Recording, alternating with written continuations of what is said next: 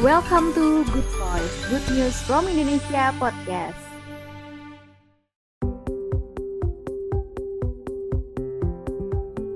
Hai kawan GNFI, Good Voice. Kali ini kita bakal ngomongin Agile Mindset to Create Agile Teams bersama teman diskusi kita kali ini, Gesit Prasasti Alam yang merupakan Agile Coach dari XL Asiata.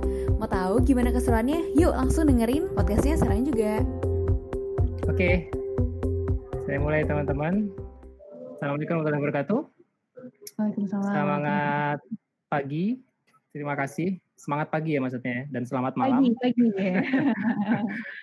Oke, selamat datang di acara webinar ini. Diambilkan judulnya Agile Mindset to Create Agile Teams. Oke, selanjutnya next aja.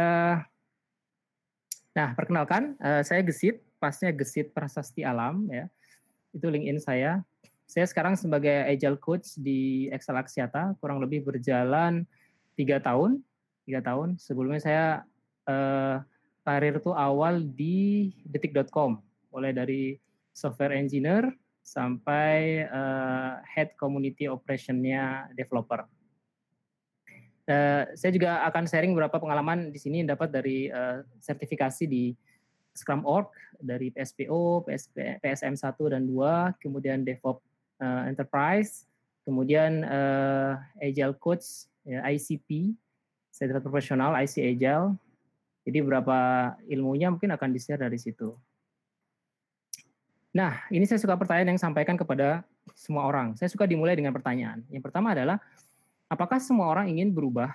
Nah, mungkin teman-teman akan berkata, apa iya semua orang ingin berubah gitu? Mungkin jawabannya iya, tapi ada juga yang ada tuh yang nggak mau berubah.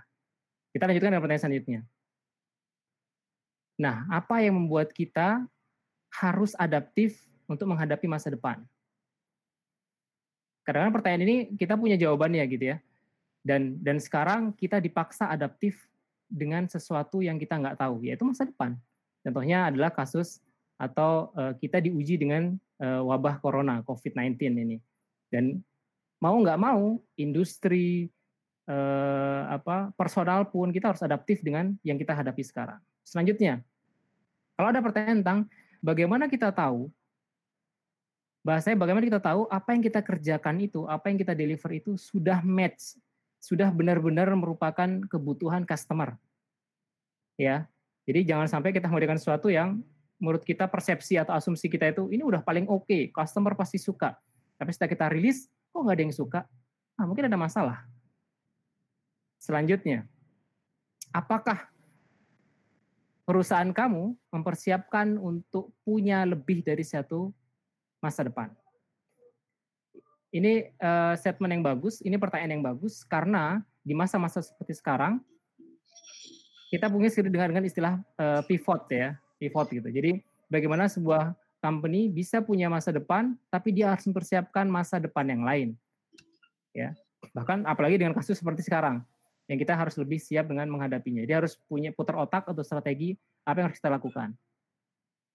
Nah, saya juga dengan suka dengan beberapa pertanyaan ini, uh, for question. Jadi untuk membuat sesuatu, siapa pun, jadi kita harus menanyakan siapa sih yang kita layani ini, siapa gitu ya. Who do we serve? Kemudian apa sih sebenarnya yang mereka inginkan dan yang benar-benar mereka inginkan, kebutuhannya apa dan apa sih yang benar-benar mereka inginkan. Kemudian apakah yang kita lakukan ini lebih baik dari orang lain. Dan hal apa itu? Kemudian hal terbaik atau cara terbaik apa untuk kita untuk bisa deliver produk dan service? Kadang-kadang saya suka menanyakan pertanyaan ini kepada tim atau kepada stakeholder atau kepada C level sekalipun untuk menanyakan supaya mereka punya framing akhirnya mereka dapat oh iya saya belum tahu. Oh iya saya belum belum belum dapat siapa yang harus saya layani. Saya nggak tahu ini sebenarnya yang kita kerjakan benar-benar kebutuhan user atau bukan itu sesuatu yang harus kita uh, clarify ke mereka bahwa ini butuh kalian tahu dulu di awal. Supaya nanti jelas, area goalnya punya lebih runcing, goalnya lebih fokus, dan kita benar-benar dapat, bahkan kita bisa mengerjakan sesuatu yang lebih bagus, bahkan lebih dari ekspektasinya user. Itu yang itu yang wow banget, amazing banget buat suatu uh, company gitu untuk deliver produk. Karena kenapa? Karena ini mungkin data yang sering kita tahu ya kalau beberapa venture capital suka menyebutkan kesalahan pertama, pertama basic banget uh, buat startup, bahkan mungkin nggak hanya startup, adalah membangun sesuatu yang tidak ada orang yang mau. Karena kita kalau punya startup tidak mendengarkan apa yang diinginkan user, kita berangkat dari pain point-nya customer atau consumer, kita bisa menghasilkan sesuatu yang mungkin sudah berdarah-darah gitu ya, membuang banyak waktu, ternyata itu nggak dipakai. Berarti kita ada masalah, karena kita nggak validasi keinginan mereka. Jangan sampai kita seperti itu gitu. Nah, kenapa istilah saya bawa seperti uh, kita sudah harus mengenalkan coaching mindset, ya, terutama ini para leader ya para leader harus punya kuat banget bagaimana coaching mindset. Kalau belum mulai belajarlah apa itu coaching. Jadi real coaching beda dengan mentoring, beda dengan training. Dan tapi saya nggak akan bahas detail situ. Jadi intinya mulailah terbiasa dengan jangan sering memberikan jawaban. Ask question. Tanyakan mereka sehingga potensial mereka akan keluar. Sehingga potensial mereka akan dapat, oh iya, saya tahu jawabannya. Kenapa? Karena kita adult, uh, handle adult with adult way. Karena kita nggak bisa memperlakukan orang dewasa itu, terutama tim kita itu, dengan cara kanak-kanakan. Kita nggak bisa paksa mereka. Kita nggak paksa, nggak bisa memaksa mereka dengan satu hal yang mereka nggak tahu esensinya apa.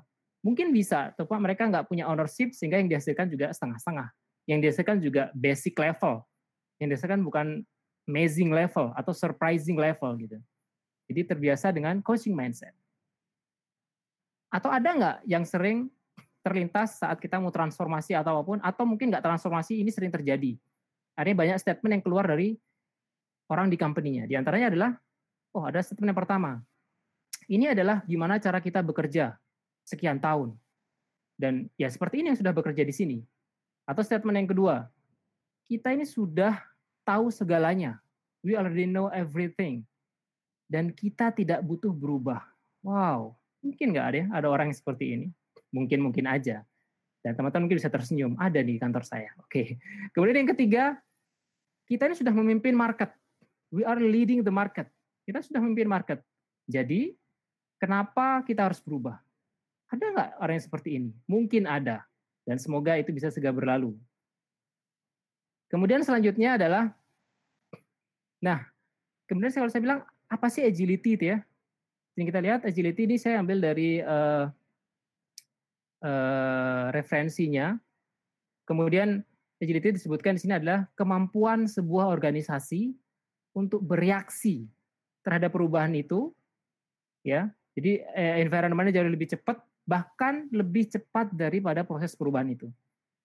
Contohnya sekarang terjadi adalah uh, ujian atau yang bikin kita stay at home seperti ini. Jadi ngedrive transformasi digital yang akhirnya semua orang harus dipaksa remote working, work from home, mau nggak mau dan itu yang membuat sekarang perusahaan atau organisasi harus adaptif. Apa yang harus dilakukan? Apa yang harus di mungkin misalkan contohnya apa? Mungkin dulu di tanda tangan tuh harus tanda tangan basah. Sekarang sudah mulai diberlakukan atau mengejar speed up proses uh, digital signature, tanda tangan uh, digital. Apa pun namanya. Ngefasilitate dulu harus dengan face to face ketemu. Sekarang enggak, ternyata sekarang bisa dengan uh, banyak aplikasi dan tools yang bisa dipakai. Ya, jadi benar-benar harus banyak caranya yang bisa dilakukan harus adaptif. Mungkin dulu jualan barang A, ternyata dengan adanya kasus seperti ini kita bisa masang strategi jualan barang B yang ada unsur komersialnya plus ada unsur humanity-nya, unsur kemanusiaan. Sah-sah aja. Itu bisa dilakukan sama sebuah perusahaan. Kemudian, nah, kenapa sih? Nah, ini saya suka dengan pertanyaan uh, why ya, karena ini penting banget buat agile teams atau agile environment sudah mulai mengenalkan find your why, temukan why-nya. Temukan kenapa harus seperti ini. Jadi kalau sudah dapat, sudah nempel, itu lebih cepat lonjakan dan potensial teman-teman itu atau organisasi itu lebih cepat untuk bisa naik. Karena why-nya dapat gitu ya. Contohnya, kenapa sih agile itu uh, penting gitu ya untuk untuk kita dan di antaranya adalah karena dia membuat dan emphasize menekankan uh, kebiasaan dalam bekerja itu termasuk culture yang uh, apa melakukan di antaranya keseharian adalah menempatkan customer value di awal, customer first. Ya, ini customer customer centric. Itu. Yang kedua adalah menilai moral team dan happiness at all times. Jadi dua ini seimbang. Jadi bukan terbalik. Jadi kita bukan customer first, tapi terserah. Timnya mau begadang, mau nggak punya quality time sama keluarganya, yang penting saya gaji kamu, gaji gede, saya nggak peduli kamu bahagia apa enggak. Padahal secara riset di manajemen 3.0 juga mengatakan karyawan atau uh, knowledge worker yang bekerja dengan moral yang bagus, happiness yang tinggi, sangat berpeluang besar untuk bisa deliver amazing product. Sangat berpeluang besar untuk mendukung inovasi yang akan dikeluarkan oleh si uh, organisasi itu. Jadi itu sangat mendukung dan sangat impact dan sangat masuk akal karyawan yang happiness-nya rendah, moralnya rendah, bahkan terkesan lebih depresi, terus dia mau kontribusi besar terhadap inovasi atau ke customer first, dari sekadar riset sulit. Karena dia akan fokus memikirkan dirinya sendiri, dia nggak akan fokus memikirkan customer. Apalagi deliver value. Dia akan fokus ke dirinya sendiri. Yang penting saya makan, karena saya sudah diperlakukan seperti ini, dan sebagainya. Oke, kemudian apa sih agile mindset? Walaupun dikatakan agile mindset itu adalah sebuah attitude ya. Jadi serangkaian uh, behavior, attitude yang mendukung environment, working environment kita. Di antaranya apa sih? Di antaranya termasuk respect for all.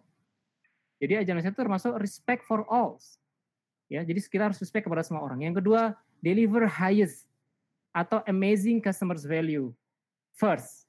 Jadi kita ngasih ke mereka value ya dan itu bisa high value. Kemudian selanjutnya adalah kolaborasi. Selanjutnya kolaborasi. Kemudian ada improvement. Ya, kolaborasi jelas karena kita membuat inovasi atau membangun tim itu nggak mungkin uh, satu bidang ilmu, nggak mungkin satu departemen orangnya same uh, apa sama konsentrasi ilmunya sama, nggak mungkin. Kita harus butuh kolaborasi dengan yang lain. Kemudian improvement dan learning cycles. Jadi kita harus continuous improvement di sini. Dan jadikan setiap event, jadikan setiap uh, momen itu adalah learning cycle. Apa yang bisa kita pelajari? Apa lesson learn-nya? Itu yang bisa kita ambil. Habis itu langsung kita improve. Jadi jadikan semua itu jangan dijadikan apa istilahnya langsung uh, titik jatuh gitu. Akhirnya seseorang jika melakukan kesalahan dia jatuh udah udah nih kayaknya sudah akhir nih, akhir segalanya. Enggak. Makanya saya juga suka dengan istilah the fail time. Learn from the fail time. Kita belajar dari kesalahan. Ya, berapa banyak dari kita kalau nggak melakukan kesalahan kayaknya ini kita sudah paling baik, tapi saat kita dapat momen yang kesalahan, akhirnya kita tahu, oh saya harus berubah, oh saya harus belajar dari sini dan sebagainya. Kemudian high ownership, ini jelas, ini harus keluar dari sebuah tim, ya high ownership. Biasanya ownership mungkin dimiliki orang founder gitu ya, co-founder itu ya masuk akal lah, mereka punya high ownership. Tapi gimana caranya company uh, employees itu dia punya high ownership terhadap produk yang dihasilkan, punya ownership terhadap company-nya juga, organisasi itu. Itu harus punya, karena itu akan impact ke inovasi dan kolaborasi timnya. Selanjutnya adalah fokus on delivering value. Jadi, agile mindset, orang yang punya attitude atau behavior, yang punya mindset yaitu fokus untuk deliver value. Bukan hanya apa yang penting saya digaji, yang penting saya mengerjakan selesai. Tapi teman-teman tahu ini nggak ada value-nya, teman-teman biar aja. Teman-teman nggak kritis untuk ngasih saran, ngasih feedback, sehingga yang kita hasilkan itu adalah punya deliver uh, punya value yang tinggi. Kemudian adalah kemampuan kita untuk adaptif terhadap perubahan. Ini agile mindset banget. Jadi kita nggak bisa apa pun yang terjadi sama kita, apa yang terjadi dengan organisasi, apa pun yang terjadi dengan sekarang, karena situation itu kita harus mampu untuk adaptif terhadap perubahan. Gimana caranya? Jadi jangan nggak bisa, ya kalau kayak gini kita nggak bisa ngapa-ngapain. Nggak boleh statement seperti itu. Kita harus nyadar, oke okay, sekarang kita seperti ini, kita berembuk, apa yang harus kita lakukan? Strategi apa? Kita coba dulu ya inspect and adapt. Jadi itu yang kita bisa lakukan. Kemudian selanjutnya adalah terakhir komitmen dan transparansi. Ini juga penting. Kita boleh berbicara ini tapi komitmen dari tim harus kuat. Tapi dengan itu inline dengan high ownership tadi. Ya, kalau dia punya high ownership, nggak usah ditanya deh komitmennya seperti apa. Hmm. Ya, kemudian transparansinya juga jelas ya. Jadi transparansi yang dikerjakan, uh, alignmentnya seperti itu harus kelihatan. Hmm. Oke, okay, next. Oke, Mas Yusuf, maaf sebentar yes. Mas. Uh, teman-teman uh, yang on video maupun uh, audio mohon dimatikan dulu ya teman-teman ya, biar tidak mengganggu suara Mas Zid. Takutnya nanti teman-teman yang lain nggak bisa dengar suara Mas Zid dengan jelas. Terima kasih ya teman-teman. Ya, monggo Mas lanjut. Oke, siap. Oke, selanjutnya adalah dengan agile mindset, jadi teams itu bisa cepat menyesuaikan dengan perubahan atau kebutuhan market, perubahan pasar. Itu yang terjadi sekarang. Ya, kemudian kita bisa ngerespon cepat feedbacknya customer. Ya, jadi customer feedback itu cepat kita respon. Bukan kita parkir terlalu lama. Kita bilang, oh iya, oh iya, oh iya, iya, iya nanti kita kerjakan, oh iya nanti kita address, oh iya nanti kita respon, tapi terlalu lama. Ya. Jadi kita harus siapkan strategi. Kemudian deliver business value. Jadi benar-benar business value. Kalau kalau bisa dibilang ini business outcome yang punya high value gitu. Ya. Jadi bukan hanya output. Yang penting saya sudah kerjakan, saya sudah jualan, perkara laku nggak laku bukan pekerjaan saya. Nah itu itu mindset yang salah gitu. Kalau ini ini selesai dan ini dijual dan ini ada yang nggak laku, nggak laku di pasaran, Berarti harus kita lakukan nih, harus kita pelajari. Harus terjadi uh, improvement dari yang sebelum kita buat. Kita harus pelajari kenapa seperti ini terjadi. Dan itu harus kolaborasi di dalam timnya. Kemudian perspektif ini akhirnya membuat kita harus shifting mengizinkan inovasi itu tanpa ketakutan.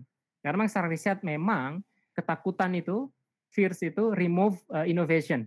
Jadi ketakutan itu bisa menghilangkan bahkan um, memblok ya, memblok itu inovasi inovasi sense yang dimiliki oleh sebuah tim. Ya. Kemudian bisa kolaborasi dengan mudah dan bisa deliver something ya the uh, highest value itu tadi produk tanpa hambatan, nggak ada roadblock di dalamnya. Kalaupun ada kita bisa cepat hilangkan. Oke, terus kita kenal dengan Agile Manifesto karena ini dikenal, dikenalkan dengan uh, dengan para uh, siapa si jadi ada software engineer itu berkelompok gitu ya bersatu untuk membahas bikin Agile Manifesto. Di antaranya ini ya, mungkin teman-teman sudah pernah lihat individual interaction over process and tools, kemudian working product over comprehensive documentation, kemudian customer collaboration over contract negotiation, kemudian responding to change over following a plan. Dan nilai yang di sebelah kiri itu itu memang lebih di istilahnya lebih dinilai bahkan lebih ditekankan ya daripada daripada yang uh, sebelah kanan. Ya, bukan berarti kita bilang, oh berarti nggak butuh dong dokumentasi, nggak butuh dong tools. Bukan. Berarti adalah ini lebih ditekankan daripada yang ini, daripada yang sebelah kanan, daripada process and tool dan sebagainya. Dan dikatakan kepada expert, Agile Manifesto menyampaikan kepada kita bahwa ini tentang way of thinking. Ini bagaimana cara kita berpikir daripada cara kita melakukan sesuatu. Oke, dan kenapa para expert di situ lebih mengatakan menyebut agile is a mindset. Lebih menyebut agile sebuah mindset daripada proses atau metodologi. Nah, dan saya suka statement ini. Karena life is full of ambiguity. Karena kehidupan kita penuh dengan ambiguitas. Dan nggak ada satupun orang bisa menentukan apa masa depannya. Bisa menentukan nanti seperti apa. Ya, Makanya kita bisa bikin sesuatu segera validate, jangan terlalu lama. Ya. Jangan terlalu nunggu momentum yang bertahun-tahun, dua tahun, tiga tahun terlalu lama. Ya, e, apa keburu kompetitor itu sudah mengeluarkan yang lain. Karena di dunia seperti ini kita harus adaptif, incremental, bahkan bisa dengan short iteration. Bisa kita cepat-cepat validate ke customer atau customer kita. Dan agile emang dibangun di atas culture. Ini kalau digambarkan di gini, agile itu dibangun di atas culture ya bangunan ini. Dan ujiannya adalah, nah impedimentnya adalah salah satu adalah chaos condition apa pun ini mungkin di organisasi itu atau birokrasi. Dan gimana caranya agile di, yang berdiri di atas culture itu tetap harus bisa balance, tetap harus bisa seimbang. Ya, karena birokrasi pasti mungkin akan terjadi.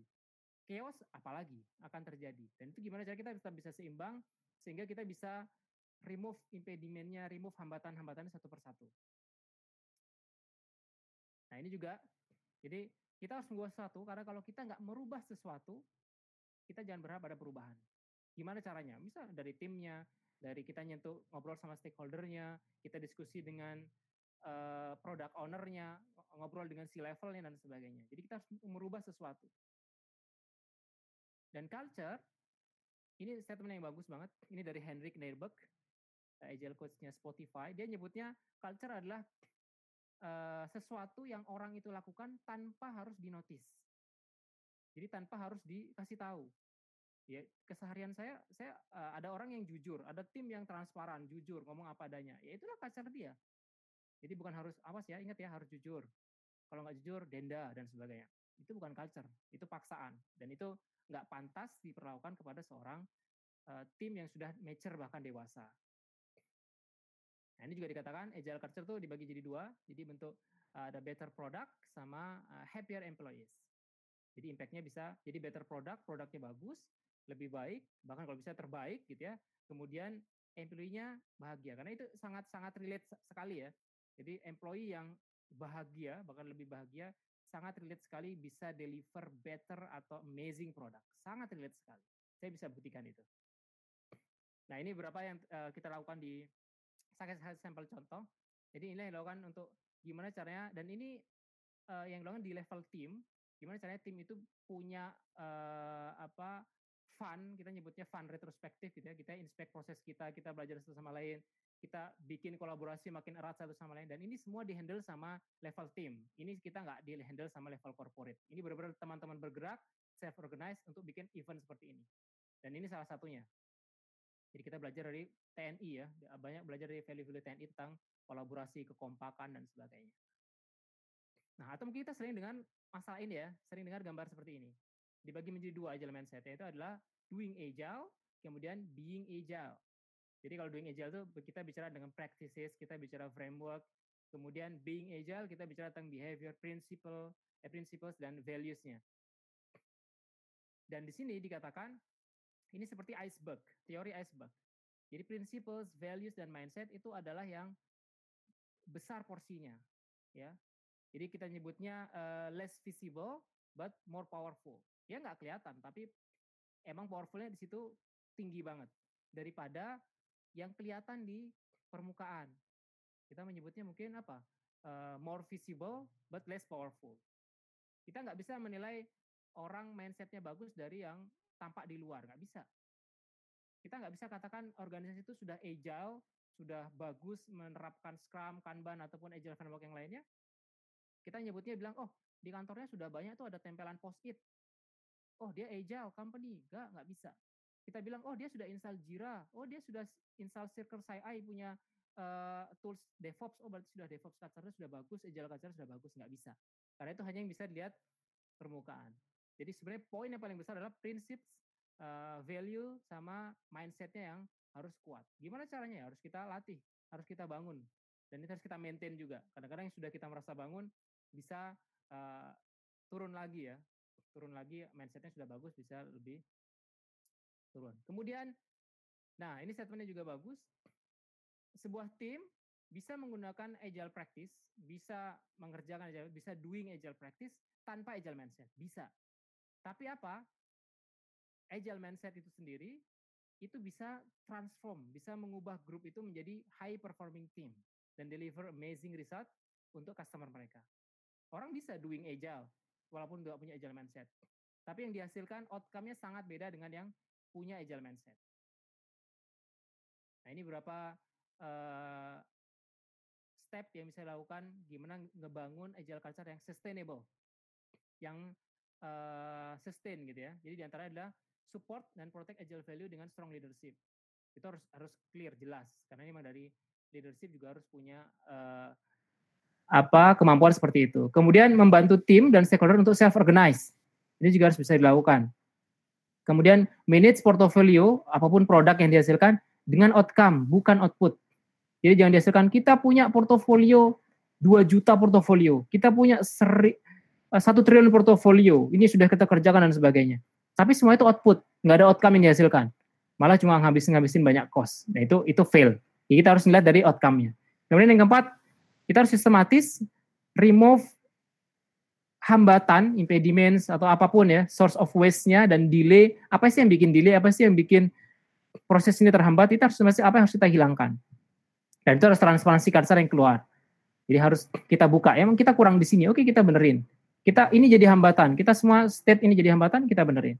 Kemudian kita measure untuk bisa diimprove uh, value yang dihasilkan dengan uh, dapetin gather feedback dari banyak customer customer. Ini bisa dilakukan. Dan saya suka pakai dengan istilah kalau pengenalan tim itu dengan tim canvas ya untuk mengetahui mappingnya tim itu mau ke mana dan uh, seperti apa sih mapping yang bisa dipakai gitu ya. Tapi saya nggak bahas di sini, mungkin teman-teman bisa uh, apa dijing lebih jauh lagi. Nah, saya suka ini sekarang kita masuk ke level tim. Saya suka dengan istilah ini. Kalau kita ada pertanyaan, kapan sih kamu itu uh, berhenti untuk disuapin, spoon feeding gitu ya. Kapan sih? Oh, saat sudah besar. Oh, saat saya sudah bisa makan sendiri. Saat saya sudah mandiri dan sebagainya. Saat saya kelas kelas 1 SD sudah atau saat PAUD saya sudah bisa dan sebagainya itu. Pertanyaan adalah apa yang membuat kamu berhenti disuapin atau bahkan kamu sudah nggak mau disuapin? Yang pertama adalah ya kamu sudah karena kamu sudah merasa oh saya bisa, saya sudah bisa karena saya sudah dikasih tahu caranya. Itu itu bisa dilakukan gitu. Ya. Saya sudah bisa, saya sudah tahu caranya, nggak usah suapin saya, saya akan makan sendiri. Itu itu hal yang bisa dilakukan. Kemudian pertanyaannya apa yang bikin apa yang bikin orang dewasa masih makan disuapin? Ada nggak? Ada. Apa? Saya pernah main, uh, saya pertanyakan ini kepada tim. Apa sih bikin orang dewasa itu tapi masih disuapin? Ternyata jawabannya adalah salah satunya, oh orang itu sakit mas. Oh ya, make sense. Kemudian, oh orang itu manja mas. Oke. Okay. Oh orang itu uh, apa ya? Polokan gitu ya, apalah ya manja gitu dan sebagainya. Jadi itu bisa dilakukan sama uh, orang dewasa kenapa masih suka disuapin ya. Nah, pernah nggak dengan istilah dengan uh, alignment dan otonomi? Ini juga dikenalkan dengan uh, Hendrik Neiberg ya. Jadi yang pertama adalah yang pertama adalah di situ ada alignment dan ada otonomi. Yang di sebelah sini dia berkata alignment itu do what I say, udah kerjakan apa yang saya bilang. Kemudian otonomi, uh, leadernya di sini bilang, udah do whatever, lakukan uh, sesuai dengan apa yang kalian mau, terserah mau lakukan apa. Itu malah bahaya gitu ya, karena ini terlalu bebas, ini malah terlalu satu top down gitu ya, terlalu alignmentnya terlalu kaku gitu. Nah kita bicara sekarang hal seperti ini. Kalau kita kan alignment dan uh, kita bikin grafiknya, kalau ada di bawah sini, berarti ada low alignment dan low otonomi. Jadi dikatakan uh, ini adalah organisasi yang sangat mungkin micromanaging, ya, sangat mungkin micro managing. Kemudian culture yang berbeda-beda. Contohnya, orang yang nggak jelas alignmentnya seperti apa, kemudian timnya pun nggak dikasih otonomi. Ya jelas ini diperlakukan micromanaging. Bahkan setiap detik dia dikontrol, dilakukan seperti apa. Bahkan semua ini kerjakan tuh ada ber, semua yang timnya kerjakan tuh harus nunggu perintah dan sebagainya. Beda dengan seperti ini. Dia alignmentnya tinggi, tapi otonominya rendah. Contohnya, sebuah leader ngasih uh, ngasih statement ya bagus. Di antaranya adalah goalnya. We need to cross the river. Kita butuh untuk menyeberangi sungai. Tapi dia ngasih statement ngasih jawaban. Build a bridge. Bangun sebuah jembatan. Akhirnya apa? Ya timnya ya udah timnya nggak kreatif. Karena suruh bangun jembatan. Beda dengan sebelah sini Autonominya tinggi, tapi alignmentnya rendah. Artinya, leader ini nggak menyampaikan apa pun kepada timnya, tapi dia dalam hati hanya berharap, saya berharap seseorang itu bekerja uh, untuk menyelesaikan masalah sungai ini.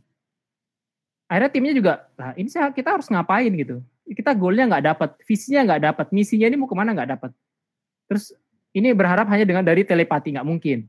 Ini high autonomy tapi dia alignmentnya rendah. Jawabannya adalah kita harus punya, bahkan leader harus punya mental, dan tim harus terbiasa dengan dilatih dengan high alignment dan high autonomy.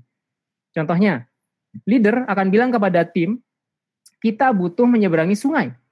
Coba gambarkan gimana caranya. Akhirnya tim, apa? Tim berpikir, berkolaborasi, eh, diskusi di situ, ada kolektif uh, intelligence satu sama lain. Akhirnya mereka membuat apa pun yang mereka bisa bikin menyeberangi sungai. Harus nggak jembatan? Nggak harus. Mereka bisa bikin, oh saya cukup bikin perahu. Cukup bikin perahu, setiap itu kita bisa jalan dan sebagainya. Oh kita bisa bikin apa dan sebagainya. Dan itu menyesuaikan dari kemampuan tim menangkap apa pesan yang diambil. Dan itu disesuaikan dengan environment-nya. Gimana sih cara membantu tim itu punya uh, high ownership? Ini uh, Tom gini ya, trust ownership model ini diambil dari uh, diambil dari riset dan bukunya si Paulina Pixton di bukunya judulnya uh, Agile Culture jadi yang menyebutkan agile culture itu memang di antaranya adalah mirip sih dengan prosesnya de, dari mapnya tadi Hendrik Nerberg itu. Uh, leadership dan bisnis prosesnya itu punya trust yang tinggi, kemudian tim dan individual ownership-nya itu juga punya uh, posisi yang tinggi gitu. Jadi dia ada di yang hijau ini.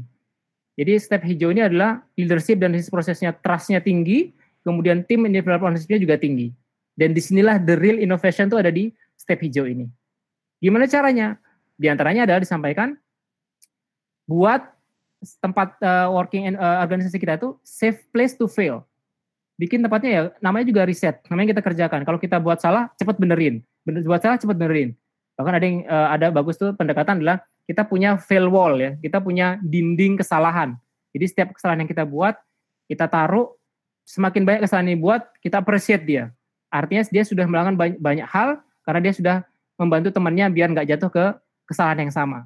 Itu hal yang bagus. Tapi kalau mindsetnya belum siap, mungkin setiap kesalahan adalah dihukumi dengan uh, hukuman atau denda gitu. Sehingga tim tim sangat takut buat kesalahan. Dan tim yang takut buat kesalahan, terutama kesalahan yang untuk uh, sifatnya riset, dia akan takut untuk membuat inovasi. Dan saya yakin nggak ada inovasi yang dikeluarkan, karena semua cari aman. Semua nggak melakukan inovasi apa pun. Kemudian yang kedua, biarkan tim itu membuat decision. Kayak tadi contohnya ya, cukup kalian bilang apa itu, uh, apa goalnya, ya apa kriterianya, biarkan tim yang mengerjakan. Jadi what-nya itu, what-nya and why-nya mungkin bisa datang dari seorang leader, dan how-nya itu datang dari timnya. Itu clear. Jadi what and why-nya datang dari sebuah leader, dari seorang leader, dan how-nya itu datang dari timnya. Berikan mereka untuk memutuskan sesuatu. Ya, let the team make decisions. Yang ketiga adalah trust first. Beri kepercayaan. Dan ini yang paling penting, and be trustworthy. Dan kita jadi orang yang bisa dipercaya, siapa pun, dari level tim atau level leadership. Jadi kalau kita mau percaya sama orang, kita juga harus bisa dipercaya sama orang. Yang keempat, sell the vision. Ini ini poin yang penting. Sell the vision. Kasih tahu yang dijual adalah visinya. Jangan kasih tahu mereka how-nya. Biasakan. Jangan kasih tahu mereka how-nya, kasih tahu visinya nih mau ke mana. Kalau bisa yang motivational vision, impactful, itu yang kasih ke mereka. How-nya silakan mereka yang mengerjakan. Silakan mereka yang memikirkan. Dan kita bisa bantu mungkin partnership untuk diskusi sama mereka. Karena ini lebih cepat untuk uh, increase atau enrich knowledge mereka sehingga mereka jadi self organizing team bahkan bisa jadi agile teams yang yang kuat dan bagus. Kemudian yang kelima adalah hubungkan mereka dengan customers. Maka ini yang dipakai sama si agile teams kan ya. Ini dipakai agile teams sehingga teams itu development teams itu bisa langsung ketemu dengan product owners. Bahkan dia bisa ketemu langsung dengan stakeholder di event kalau kita di Scrum itu ada event review, ada di event sprint review. Mereka bisa langsung ketemu, nggak ada gap, no proxy lagi mereka tahu oh mereka tahu oh kebutuhan stakeholder juga ini sebenarnya jadi mereka bisa bantu product owner itu untuk apa ya untuk ngevalidate bahkan untuk enrich kebutuhan wishlistnya si stakeholders jadi kita harus di connect dengan konekkan uh, koneksikan tim itu dengan customers jangan jadi ada orang di tengah yang jadi proksinya itu harus dilakukan dan self leadership ya harus mulai dikenal tadi saya sudah sampaikan di awal adalah coaching, coaching skill harus mulai dilatih. Kemudian mentorship, ya, jadi harus mulai bisa ngajarin mungkin tim-tim yang di awal gitu ya, bisa sharing pengalaman gitu. Ya. Karena zamannya leader mungkin dia ngasih tahu harusnya begini yang diambil, harusnya begini caranya dan sebagainya. Mungkin zaman dia dan zaman sekarang itu beda dan pendekatannya pun beda gitu. Terus enabling ini juga penting. Gimana caranya si leader itu bisa enable, enable transformasi dan sebagainya. Jadi bukan orang yang menggurui, bukan orang yang uh, micromanage timnya bukan. Dan bisa solving impediments, hambatan yang sebenarnya yang dibutuhkan sama si tim. Apalagi hambatan yang di level emang bisa dilakukan sama leadernya doang. Ya, mungkin ada masalah komunikasi dengan uh, stakeholder, mungkin leadernya juga bisa bantu. Apa yang harus dilakukan untuk bisa uh, menghilangkan gap itu gitu. Kemudian, nah ini juga statementnya si uh, Mario Andretti, karena 100% kontrol dengan micromanage itu menghasilkan 0% motion. Artinya ini di level inovasi. Kalau kita di level yang uh, BAU gitu ya, di level yang iterasi uh, apa mengulang gitu yang dikerjakan itu itu aja, ya mungkin sah-sah aja kita bisa kontrol. Tapi di level inovasi kita nggak bisa kasih 100% kontrol. Makanya ini butuh trust yang jelas visi dan why atau goalnya itu jelas dari para leadernya. Itu yang harus kalian lakukan. Jadi buat visi yang bagus, kuatkan goalnya, kalau bisa impactful dengan metrik yang bisa kalian make sense, kalian kasihkan ke timnya, sehingga biarkan tim yang deliver uh, how-nya gitu ya. Kemudian, nah ini juga, jadi pekerjaan leader adalah explain what the problem. Apa sih masalah yang butuh untuk di solve? Dan dan kasih juga statement kenapa. Ini yang penting banget. Jadi what and why-nya silahkan dari leader dan how-nya biarkan tim itu bekerja, memikirkan diskusi, kolaborasi, apa hasilnya. Habis itu mungkin dia akan diskusi apakah seperti ini, apa seperti ini, itu bisa divalidasi. Jadi jangan terlalu banyak leader tuh ngasih tahu how-nya. Bahkan karena zaman dia, bahkan ilmu dia mungkin nggak sama dengan ilmu timnya. Bahkan bisa jadi timnya juga lebih kreatif dan sebagainya. Dan ini mindset yang harus mulai shifting. Ini untuk leadership tadi disampaikan. Yang pertama adalah uh, jangan biasakan culture untuk hanya ambil order gitu. Kita hanya mengerjakan ini enggak. Kasih meaningful conversation Kenapa kita harus melakukan ini? Itu itu penting banget. Kemudian yang terbiasa dengan uh, estimasi yang harus akurat ya, presisinya harus tepat, nggak bisa karena kita harus aware dengan uh, apa variabelnya, variabel dari sebuah pekerjaan itu di knowledge worker itu itu melekat satu sama lain itu nggak sama, penuh variabilitas.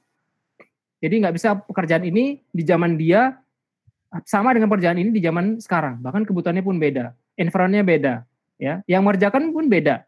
Bisa jadi lebih bagus yang dikerjakan sama timnya daripada zaman dia dulu. Itu sangat mungkin. Kemudian yang ketiga adalah dia punya plan yang uh, apa state plan gitu ya, diganti dengan adaptive planning. Silakan punya plan, benar harus punya planning, tapi kita harus bisa inspect apa ini habis ini planningnya apa. Kita harus berubah. Kayak contohnya orang mungkin kita sudah pernah bikin bisnis plan satu tahun ke depan kita diuji dengan kejadian seperti sekarang misalkan COVID-19. Berarti kan planning yang kita buat itu harus mulai adaptif, harus kita harus berubah. Bahkan mungkin ada yang berubah 180 derajat gitu. Ya, jadi itu harus bisa dilakukan sama si leaders. Kasih tahu what-nya and why-nya.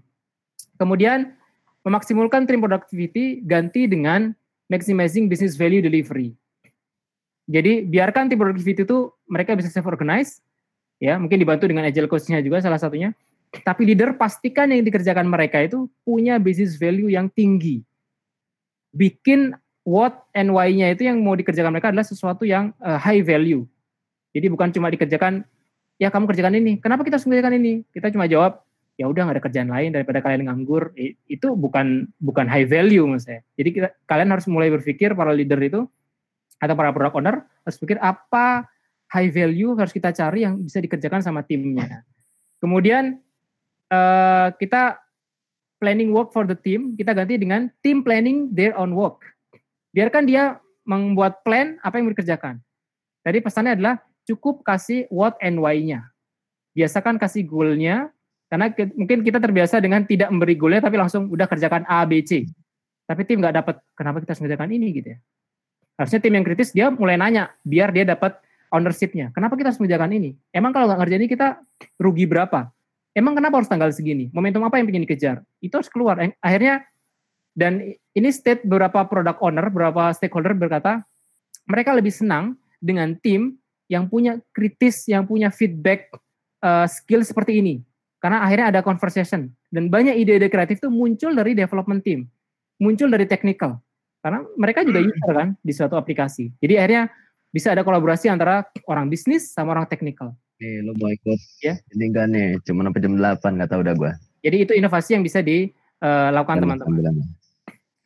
Yuk. Oke, atau seperti ini. Misalkan, oh, di kantor kebanyakan politik. Nah, ini juga nggak sehat. Apa contohnya? Ada nggak teman-teman pernah melakukan seperti ini? Marah-marah sendiri ya, banting telepon, banting kertas gitu ya, banting laptop, laptop nggak, kertas lah, banting kertas. Kemudian atau diperlakukan seperti ini, dicibir, ditunjuk gitu ya, dipermalukan di depan, atau perkataan-perkataan yang sering kalian dapatkan seperti ini.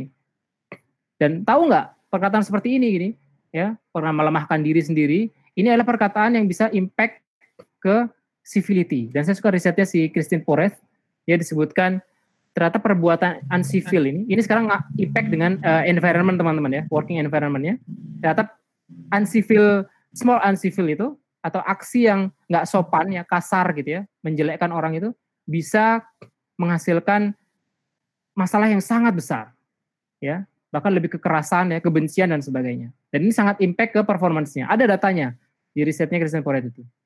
Apa sih impact kalau nggak hanya nggak sopan gitu atau jadi toxic di uh, working environment? Banyak. Di antaranya adalah 66% itu bisa cut back their effort. Kemudian 80% orang kehilangan banyak waktunya karena dia bukan fokus ke inovasi dan deliver value, dia fokus untuk menghabiskan waktunya menahan toxic itu, memikirkan itu. Apalagi tingkat bapernya yang tinggi. Benar-benar orang ya kita nggak bisa maksain orang jangan baper dia. Namanya manusia pasti ada perasaan. Jadi kalau di working environment itu penuh dengan toxic environment dan dan bahkan itu di state itu hal yang biasa, itu bisa 80% menghabiskan waktu kerjanya uh, timnya. Kemudian 12% tuh uh, meninggalkan pekerjaannya. Saya nggak tahu data, mungkin data sekarang bisa jadi para milenial tuh nggak nggak nyaman sedikit sudah bisa langsung keluar gitu ya. Kemudian 20% tuh performanya juga uh, mengkhawatirkan dan 45% ini, ini yang paling penting dan saya pernah state uh, merasakan ini 40% itu idenya langsung sedikit bahkan nggak keluar karena dapat perlakuan yang insifil. Dia nggak nyaman untuk berpendapat, dia nggak nyaman untuk udah saya nggak usah ngasih ide. Saya saya merasa nggak dihargai, saya merasa selalu diperlakukan seperti uh, nggak nyaman dan sebagainya. Dan satu kata yang penting, ternyata uh, menjadi sivil itu, menjadi sopan itu, penuh kesopanan itu bukan masalah kita motivasi orang lain, tapi ini masalah kita. Apakah kita pernah melakukan itu? Apakah pernah kita uh, berlaku tidak sopan di company kita, di organisasi kita? Itu yang hal yang pertama harus kita tanyakan. Kan oh orang ini melakukan ini, bos saya melakukan ini. Enggak. Apakah kita pernah melakukan itu? Kalau kita enggak, kita sekarang mulai berarti untuk influence yang lain. Itu yang paling penting. Jadi jangan berharap orang lain menyalahkan orang lain, tapi kita sendiri nggak sadar kita juga ada di environment yang seperti itu. Bahkan kita melakukannya. Itu itu nggak boleh. Ya. Dan kenapa dikatakan civility penting? Karena di situ Christian Poret mengatakan uh, kunci untuk agile, ya kunci untuk agile adalah dan civility itu bisa mengangkat seseorang. Civility lifts people. Jadi kesopanan ternyata bisa increase seseorang. Kita bisa buktikan berapa banyak orang yang kita perlakukan dengan sopan, dengan respect, ternyata orang ini performanya naik daripada orang orang yang pernah uh, orang yang diperlakukan dengan uh, uncivil gitu. Orang diperlakukan dengan nggak sopan, dengan kasar, dicemooh, direndahkan, diremehkan dan sebagainya. Itu performanya jauh lebih turun. Uh, Oke. Nah, ini mungkin beberapa slide terakhir. Saya suka dengan istilah dengan ERO gitu ya. Jadi ada event, ada respon dan outcome. Pertama adalah event. Teman-teman uh, teman-teman bisa punya event yang sama. Contohnya digambarkan di sini adalah kemacetan gini ya.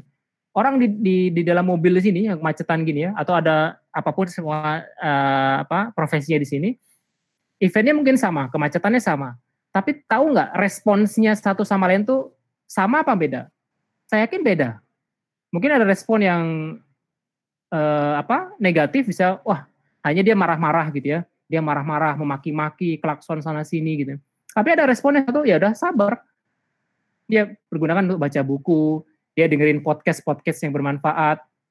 Mungkin ada yang muslim ada yang malah mengaji ada yang malah zikir. Mungkin ada yang malah beli minuman yang banyak dibagi-bagi dengan sebelahnya yang belum bisa beli minuman ini ini hal-hal yang hal yang beda-beda respon itu dan outcome-nya pun beda-beda eventnya sama, tapi responnya beda-beda, outcome-nya pun beda-beda. Beda antara orang yang tadi saat sama-sama kemacetan seperti ini, satunya mengeluh, hanya teriak-teriak, marah-marah, satunya malah baca buku, dengerin podcast, productivity, dan sebagainya. Pasti beda outcome-nya. Mungkin yang kalau ini terus dialami selama setahun gitu atau sebulan, dua bulan, tiga bulan, orang yang tadi marah-marah mungkin bisa ya apa ya orang sakit-sakitan, bisa jadi darah tinggi dan sebagainya. Tapi beda dengan orang yang dengerin podcast, lebih bijak, apalagi dia tadi yang kalau muslim gitu dia mengaji gitu oh bisa bisa jadi hafiz Quran mungkin ya dengan sering mengalami kemacetan tapi dia setiap kemacetan dia dihadapi dengan membaca um, Quran dan menghafal misalkan. Nah, ini step saya suka dengan step tangga ini quality of response, change your response, change your class. Jadi yang pertama adalah basic. Jadi event kita bisa sama teman-teman, tapi respon yang kita lakukan bisa beda-beda. Dan itu tergantung kita. Dan setiap respon kita sangat impact ke kelas kita, level kita. Bahkan itu impact ke kehidupan kita. Ada yang paling rendah itu adalah level basic. Ya, istilah itu ya basic ya. Kalau apa pun yang terjadi, kita handle-nya dengan oh, kita harus mengerjakan sesuatu yang inovatif. Oh ya Pak, apa yang harus kita kerjakan dan sebagainya. Jadi kayak nggak punya motivasi yang sama, bahkan handle-nya kayak tadi ya, basic tadi yang kayak kemacetan tadi, orang sama-sama macet, tapi malah responnya itu hanya marah-marah, ya, memarah yang lain, klakson sana sini itu level basic. Terus yang paling kita nggak akan bicara paling panjang lebar di sini. Terus yang paling kita harapkan adalah unbelievable, sesuatu yang luar biasa gitu responnya. Makanya tadi ada yang saat kemacetan yang sama-sama macet, terdapat teman-teman ada yang uh, malah berbagi, malah berdonasi, ya, malah ada yang membantu satu sama lainnya. Jadi itu hal yang bisa dilakukan. Adapun expected biasanya itu level-level yang menunjang ke uh, atas lagi. Jadi kita harus bisa ada di level unbelievable atau mulai berlatih ya, mulai berlatih di level surprising dan, unbelievable. Karena itu impact ke respons uh, quality of life kita dan uh, uh, apa quality of apa kelas kita, quality interaction kita. Nah, kenapa? Karena kita butuh ins menginspirasi orang lain. Dan saya suka dengan statement ini yang saya buat, if you are not inspired, be careful you will be expired. Karena kalau kamu nggak menginspirasi diri kamu sendiri dan orang lain, hati-hati kamu akan menjadi expired di kehidupan pribadi atau uh, di working environment, di organisasi, di kerja atau di yang lainnya. Dan apa yang kalian tunggu?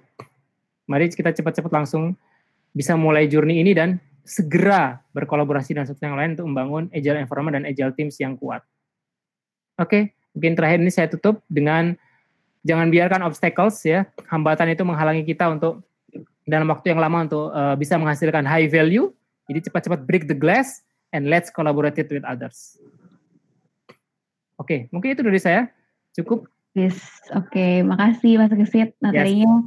keren banget. Teman-teman juga udah mulai ada yang bertanya. Uh, teman-teman kalau masih ada yang mau bertanya lagi, silakan uh, di kolom chat uh, nama, terus nanti di underscore asal kota sama underscore lagi pertanyaannya. Oke, okay, Mas Gesit. Um, tadi aku mau nanya dulu nih Mas, dari aku dulu ya Mas. Tadi kan ada uh, bagaimana cara kita build sustain uh, agile culture. Ada lima cara tadi ya Mas. Yap. Nah, nah, itu kalau misalnya uh, baiknya tuh mas untuk nge-build sustain agile culture ini satu-satu dulu apa bisa langsung uh, lima tahap tersebut atau lima cara tersebut kita langsung aplikasi aplikasikan di saat yang bersamaan. Oke, ini ya tadi ya. Iya. Ya, uh, sebenarnya tricky juga ya. Cara yang bisa hmm. dilakukan biasanya ini uh, kita bisa lakukan secara paralel dan diusahakan kita mulai bangun tim. Artinya kita nggak bisa mengerjakan ini sendirian. Hmm. Mungkin bisa, cuma nanti ada momentum yang bahasanya begini. Kita butuh sama-sama bergerak untuk support dan protect agile value with strong leadership. Artinya kita butuh approachment dan butuh pendekatan dengan seorang leader kan. Untuk gimana pendekatan seperti itu kita mengajarkan ke mereka atau kita uh, bisa kasih powerful question ke mereka karena mungkin kita bukan tipikal yang ada banyak leader yang bukan tipikal bisa di bisa digurui atau mau digurui gitu ya. Kita bisa kasih powerful question ke mereka sehingga mereka bisa dapat oh iya ya saya harus mulai mendengarkan teman-teman nih saya harus mulai saya harus mulai mengerti bahwa saya harus mulai banyak mendengar ke mereka saya harus banyak care ke mereka. Mungkin selama ini saya uh, leadershipnya juga berantakan dan sebagainya. Itu mesti mengenalkan dan dan tim yang lain juga bisa mengerjakan ini.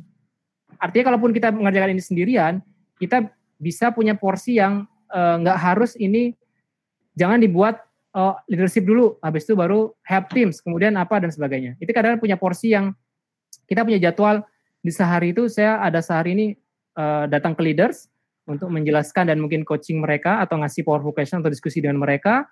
Kemudian di setengah hari keduanya saya mungkin datang ke tim untuk bantu mereka bisa self organize, kemudian bantu product owner dan sebagainya itu bisa dikerjakan. Tapi kalau paling bagus adalah ini adalah kerja tim. Kita bangun tim gitu ya. Kita bangun kita bisa nyebutnya agile champion gitu untuk bangun tim. Oh nanti ada yang bagian kita mereka bantu di sini, bantu di sini itu jauh lebih cepat hmm. informasinya. Jadi ada momentum-momentum yang bisa kejar. Jadi dapatnya dapat aha momen gitu. Aha, kita dapat nih. Kita align dengan si ini. Oke, dapat lanjut, lanjut, lanjut, lanjut. Jadi bersambut gitu. Connecting dotnya tuh dapat. Oke. Oke Mas, ini uh, nyambung nih pertanyaannya sama pertanyaan pertama dari kawan Genevi, ada Resti dari Bekasi. Okay. Jika posisi kita sebagai employee, uh, employee bisa nggak sih bawa agile culture ke perusahaan? Yes. Oke, okay. Itu pertanyaan dan saya bisa jawab sendiri karena itu yang saya lakukan. Saat baru saat saat memang saya baru masuk ke dalam uh, level corporate gitu ya. Apakah bisa kita bawa culture dengan karena kita soal employee, employee baru lagi dan dan dulu saya menjadikan momen itu adalah dulu, justru di masa-masa probation gitu, masa-masa belum sebagai karyawan kontrak, anggapnya tiga bulan gitu ya, kita penilaian probation gitu. itu masa yang kuat untuk ya udah karena tugas kita amanah kita emang untuk uh, ngebangun agile culture-nya. Dan itu bisa kita lakukan. Yang pertama adalah kita deketin leadernya ajak banyak diskusi terutama kita mulai kuasai dengan uh, coaching skill gitu. Jadi kita bisa ngasih mereka powerful question. Kemudian kita juga bisa melakukan pendekatan dengan level timnya itu bisa kita lakukan. Ya jadi itu kita bisa bawa. Dan kita mulai bangun teman-teman mana yang ketertarikan dengan agile. Mulai akhirnya saat saya datang tuh ya ada juga anca, ancaman gitu ya bahasa itu ancaman. Jadi ada yang mengancam ah saya yakin mas di sini nggak lama di sini nggak kuat mas hmm. nggak bisa di sini. Tapi saya optimis. Ya saya harus uh, oh saya sudah mulai bicara dengan leader ini dan dia lumayan dapat nih. Jadi nyari orang-orang ambasador. Jadi kalau di level uh, change management itu cari who-nya who-nya itu ambasadornya siapa. Jadi misalkan oh saya dapat nih. Kalau bisa ini punya posisi yang bagus dan orangnya vokal oh head ini atau chief ini tuh bagus agile agile leadership-nya. Saya akan jadikan mereka sponsor. Saya lebih banyak uh, diskusi dengan mereka. Saya akan banyak bergerak dengan apa istilahnya menggandeng dia. Itu itu penting. Karena apalagi kita orang baru ya. Itu harus cari sponsor. Siapa yang jadi ambasadornya? Kalau mungkin cara pertama kayaknya nggak ada mas. Ya kita bisa kirim dengan uh, kita kasih uh, informasi training kan banyak ada agile leadership dan sebagainya. Itu kita bisa ajak mereka ke sana. Mungkin siapa tahu setelah dari sana kita uh, mereka bisa berubah. Ya, tapi yang paling penting itu sustainability kita mendekati mereka dan diskusi sama mereka. Itu yang paling penting. Ya, dan dan jangan jangan terlalu banyak teaching ke mereka karena porsinya emang kita lebih banyak coaching. Karena emang kita mereka nggak terbiasa ya, apalagi orang baru, siapa sih kamu kok sok ngajarin saya gitu. Saya sudah 20 tahun di sini. Nah, itu kita sering ngasih powerful question. Seperti itu. Terus uh, apa? Terus kita juga bekerja di level tim. Jadi saya suka levelnya top down gitu ya. Uh, top itu artinya saya suka bekerja di level saya suka mendekati yang level atas, saya diskusi dengan mereka, tapi saya juga bekerja di level bawah. Jadi dua-duanya harus uh, bareng. Jangan kalian berharap terlalu banyak bicara dengan yang uh, apa di level atas, board gitu, director, terus kalian ter, terlalu lama nggak menyentuh si development team, employee-nya.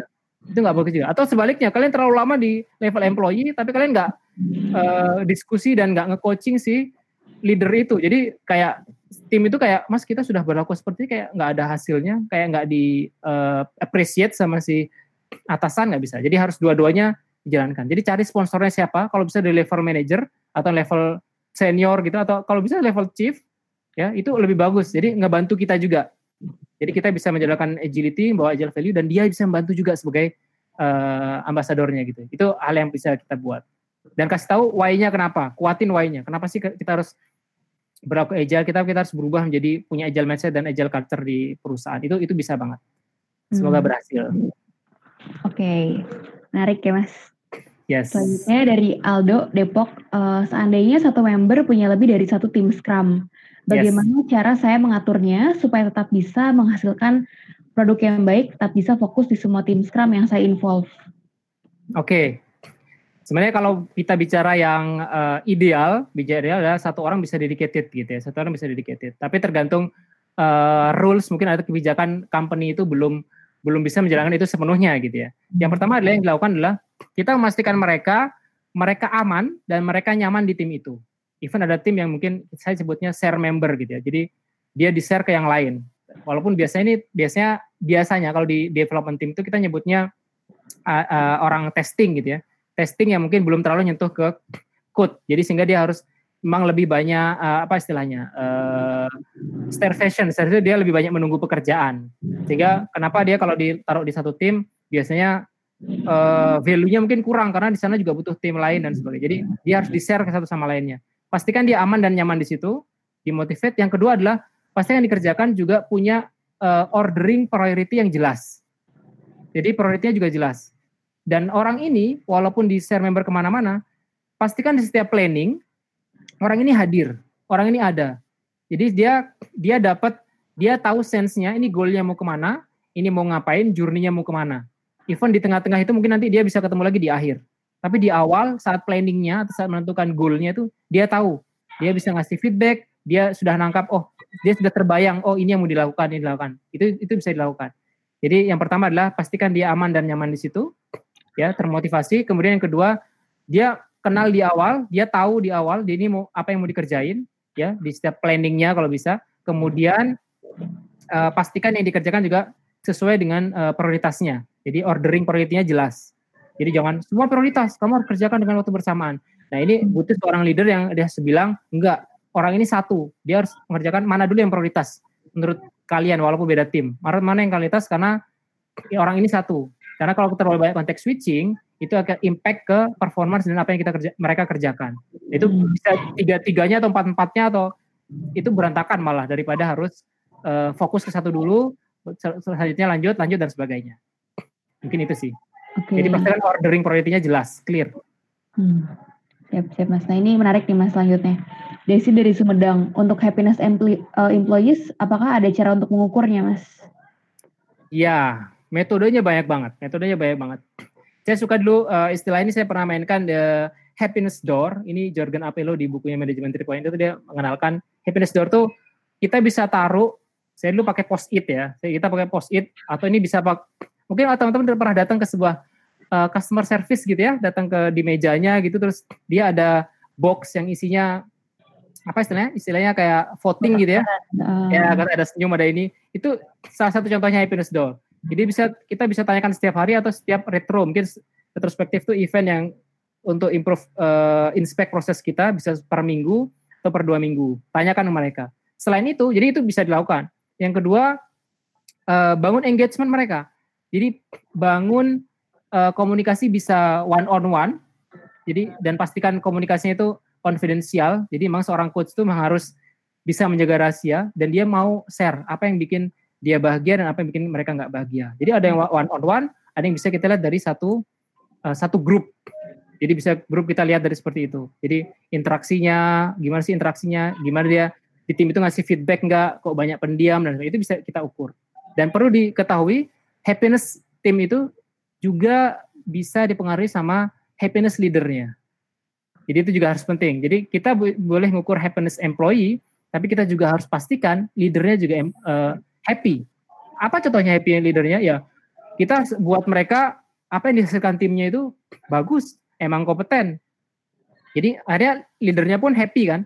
Jadi kalau leadernya happy, dia sangat mungkin bisa mengaruhi ke tim yang happy. Tapi kalau leadernya sudah buatnya marah-marah, depresi, timnya walaupun timnya senang pun ya dia pasti akan nggak betah gitu karena nggak ada ya apa yang kita kerjakan kayak nggak ada nilainya dan sebagainya itu bisa jadi bisa pakai happiness door bisa pakai mood graph mood graph tuh bisa uh, apa seorang itu untuk menceritakan gimana uh, kebahagiaan kamu di sini. Jadi memang safe fail environment harus dibangun. Dia harus bisa openness untuk menceritakan dan kita pastikan udah kamu aman. Kamu cerita apa aja kita aman. Saya saya, saya akan menjaga confidentiality-nya itu. Bahkan satu sama lain timnya itu sering ngejaga gitu. Itu bisa dilakukan. Dan sering diajak saya tadi ngajak fun retrospektif. Ajak uh, ajak momen mereka untuk uh, hangout bareng.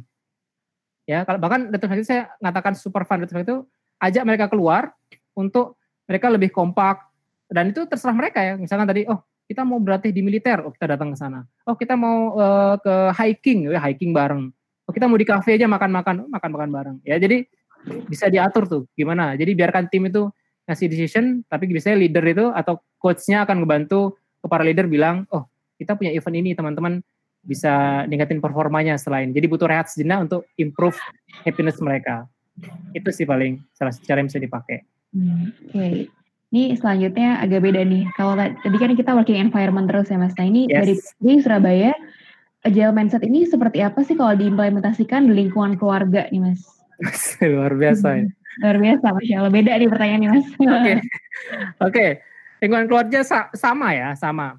Cuma uh, ada, saya mulai menangkap ada beberapa perbedaan yang di antaranya untuk ke level anak anak-anak ya, level anak-anak. Karena anak-anak itu kan, jadi dia ada level yang belum semua siap untuk di coaching. Bahkan rata-rata mungkin bukan bu, belum semua siap di coaching. Memang rata-rata anak-anak itu untuk di teaching. Karena dia kadang-kadang belum bisa membedakan mana yang baik, mana yang benar. Mana langkah yang memang pantasnya diambil mana yang enggak ya karena karena ketidaktahuan ya memang kita butuh teaching tapi mindsetnya bisa kita latih di antaranya adalah ada mungkin decision yang bisa mereka ambil terkait dengan yang enggak prinsipal misalkan kita mau eh, apa mau adaptif dengan eh, kamar anak gitu ya. Kamar anak mau berubah dengan eh, kamar anak silakan tentukan warnanya apa. Mungkin orang tuanya aduh semoga berharap warnanya putih ya. Karena saya warna putih. Terus anaknya bilang oh saya warnanya pink dan sebagainya. Oh mungkin kita boleh tanya, jadi jangan langsung stop. Boleh tanya, kenapa pink? karena gini gini gini gini. Oh ya udah boleh. Toh itu nggak prinsipal kan? Jadi mulai kasih mereka uh, decision gitu ya terus bisa adaptif dan sebagainya. Jadi mereka mereka dikasih kepercayaan akhirnya mereka bangkit apa ya keluarganya itu penuh dengan uh, apa dikasih kepercayaan yang lebih ya apalagi kalau kita seorang suami misalnya dan kita kita bisa lakukan doang saya juga melakukan tuh di bikin board gitu ya board ada to do in progress dan kemudian setiap berapa minggu gitu kita uh, adakan seperti semacam retrospektif gitu ya di keluarga gitu. Kita melakukan Scrum for Family juga ada literaturnya banyak. Jadi kita bisa improve. Oke nih, apa nih harus kita lagi dari keluarga kita nih? Contohnya, jadi masa-masa sekarang misalkan. Oke, kita sekarang di rumah. Apa yang bisa kita lakukan? Plan apa yang kita lakukan? Ada contoh mungkin keluar dari anak. Ini kita saya ingin berbagi di masa-masa seperti ini. Oh, kita tulis backlognya. Kita tulis satu uh, satu post it misalnya satu card gitu. Oke, kita ingin berbagi. Apa ingin berbagi apa ya enaknya ya? Kita gimana ngaturnya? Itu bisa jadi contoh itu. Terus setiap seminggu kita review lagi apa yang sudah kita bagi, apa yang harus kita improve lagi. Pokoknya kita harus bagi lebih banyak lagi. Kita kayaknya bagi ini nih, APD nih, ke medis. Jadi tetangga juga dibagi dan bagi. Itu hal yang bisa lakukan. Jadi improve keluarga kita biar bisa improve lebih baik. Jadi kebayang kalau jangan hanya mikirin keluarga kan ada mungkin hanya mikirkan ya udah yang penting kita selamat yang penting ini tapi mulai latih keluarganya untuk apa yang bisa delivering value keluarga kita ini punya value di uh, antara keluarga kita sendiri dan punya value ke value ke orang lain ke masyarakat. Jadi keluarga kita harus bermanfaat buat kita sendiri dan juga ke orang lain. Jadi itu yang dilatihkan ke anak-anak kita, biasakan mereka dan sebagainya.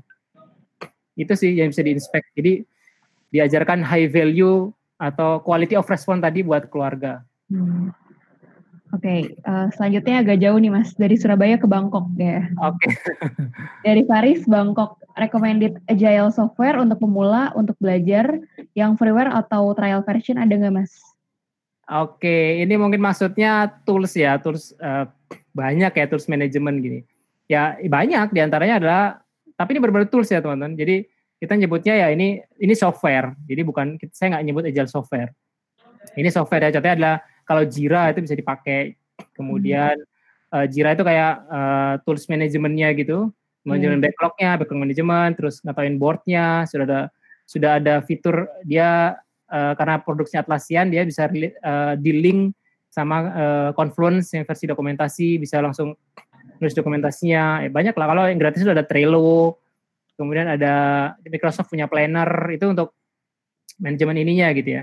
Terus ada uh, Trello, Planner, banyak lah Asana juga bisa dipakai. Ya, itu tapi itu terus, terus manajemennya. Kalau CI/CD-nya banyak, ada Circle CI. Tapi itu tools saya harap mending juga sambil belajar uh, agile mindset-nya. Karena tools itu semua orang gampang lah untuk pelajari. Tapi agile mindset hmm. ini butuh proses, bahkan bisa lama ini. Iya, oke. Okay. Oke, okay, uh, eh, ini sih Mas, emang uh, butuh belajar nih ya mindset dulu baru belajar ke toolsnya kali ya Mas ya? Yes, kalau bisa dua-duanya ya bagus. Oke, okay. nah selanjutnya ini pernyataan sih Mas, bukan pertanyaan. Relate banget dari Mbak Angel. Relate banget semua pembahasan Mas Gesit dengan yang aku hadapi sekarang. Semangat Mbak Angel. Oke, okay, semoga lancar aman. Nah, terus uh, dari Dita Bandung, uh, bagaimana menerapkan agile response ketika hasil suatu proyek itu baru terlihat setelah proses yang panjang? Oke, uh, ini bisa jadi istilah banyak hal ya. Ini istilah banyak pakai istilah Big Bang ya. Kita nunggu dengan istilah yang prosesnya panjang banget akhirnya kita berusaha pingin bang di awal eh, di akhir gitu ya. Tapi ini proses pendekatan yang menurut saya uh, yang kurang tepat. Karena uh, salah satu uh, identi uh, identitinya si Agile adalah kita bisa cepat-cepat dapetin feedback ya. Faster getting feedback from customer. Harus bisa cepat-cepat dapat feedback. Dan dapat feedback di agile manifesto tadi yang kita katakan dan gimana dapat feedback? Kita harus bisa cepat-cepat memperlihatkan working produknya ya. Jadi kita cepat-cepat bisa melakukan working produknya daripada dokumentasi. Dan gimana caranya kalau kita kayaknya baru terlihat setelah panjang. Kita coba sekarang mulai uh, split ke cang yang kecil atau split ke uh, apa ya scoping yang lebih kecil lagi dengan goal yang lebih kecil dan lebih spesifik contohnya kalau misalkan itu dulu terlihat hanya dalam waktu setahun, bisa nggak dibikin paling kecil aja? Kalau bisa per minggu bisa nggak? Oh per minggu berat.